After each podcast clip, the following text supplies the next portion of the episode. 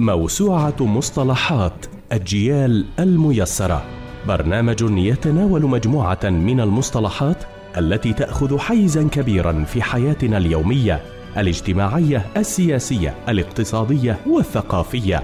في كل حلقة نتناول مصطلحا لا بد وأنه مر على مسامعنا. موسوعة مصطلحات أجيال الميسرة برنامج يأتيكم في مثل هذا الموعد يوميا عدا الجمعة. عبر أثير راديو أجيال من تقديم عبد الفتاح القلقيلي. مشروع الحسين. اقترح الملك حسين ملك الأردن مشروعين للسلام مع إسرائيل.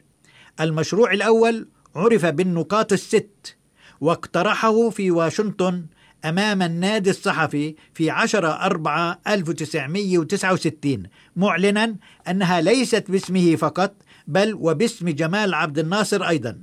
والنقاط هي واحد إنهاء حالة الحرب كليا وانسحاب القوات الإسرائيلية من المناطق التي احتلتها يوم 5 حزيران 1967 وما بعده. ثانيا الاعتراف بسيادة جميع الدول في المنطقة واحترام سلامة أراضيها. ثالثا الاعتراف بحق الجميع بسلام ضمن حدود آمنة ومعترف بها ومتحررة من التهديدات وأعمال الحرب. أربعة ضمان حرية الملاحة للجميع في خليج العقبة وقناة السويس. خمسة ضمان عدم انتهاك حرمة أراضي جميع الدول في المنطقة بكل الإجراءات الممكنة ومن ضمنها تعيين مناطق مجردة من السلاح يتفق على تحديدها. ستة قبول تسوية عادلة لمشكلة اللاجئين. ننطلق الآن إلى المواقف. رفضت إسرائيل هذا الاقتراح بفظاظة كما أن الفصائل الفدائية الرئيسية رفضته بالمطلق وكذلك بعض الدول العربية وفي مقدمتها سوريا. أما المشروع الثاني للملك حسين فعرف بمشروع المملكة العربية المتحدة وأعلنه بعد مشاورات مع بعض الشخصيات الموالية في الضفتين يوم 15 3 1972 وشمل النقاط التالية. أولا تصبح المملكة الأردنية الهاشمية مملكة عربية متحدة وتسمى بهذا الاسم. ثانيا تتكون المملكة العربية المتحدة من قطرين. الأول فلسطين ويتكون من الضفة الغربية وأية أراض فلسطينية أخرى يتم تحريرها ويرغب أهلها بالانضمام طبعا إشارة إلى غزة. الثاني الأردن ويتكون من الضفة الشرقية. النقطة الثالثة تكون عمان العاصمة المركزية للمملكة. وفي الوقت ذاته عاصمة قطر الأردن. النقطة الرابعة تكون القدس عاصمة لقطر فلسطين.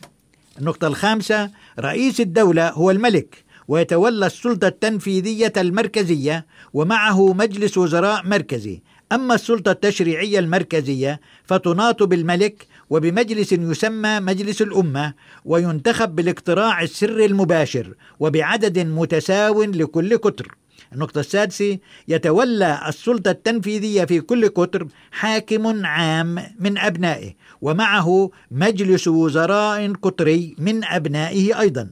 النقطة السابعة يتولى السلطة التشريعية في كل قطر مجلس يعرف باسم مجلس الشعب ويتم انتخابه بالاقتراع السري المباشر وهذا المجلس هو الذي ينتخب الحاكم العام للقطر. النقطة الثامنة تنحصر مسؤوليات السلطة التنفيذية المركزية في الشؤون ذات العلاقة بالمملكة كشخصية دولية واحدة وبما يكفل سلامة المملكة واستقرارها.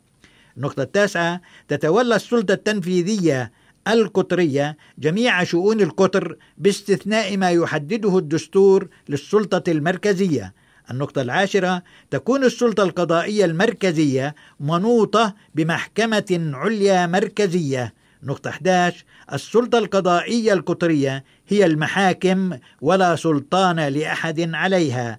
النقطة ال 12 والأخيرة للمملكة قوات مسلحة واحدة قائدها الأعلى الملك. وقد أجمعت الفصائل الفلسطينية وكذلك الهيئة العربية العليا والقوى الديمقراطية العربية على رفض المشروع بل اعتبرته مشروعا لتصفية القضية الفلسطينية. وأيضا رفضته إسرائيل. أما الدول العربية فتفاوتت ما بين صامت ومعلن أنه مع ما ترتضيه الفصائل الفلسطينية. وصمتت عنه أمريكا ورفضه كل من الصين الشعبية والاتحاد السوفيتي وفرنسا.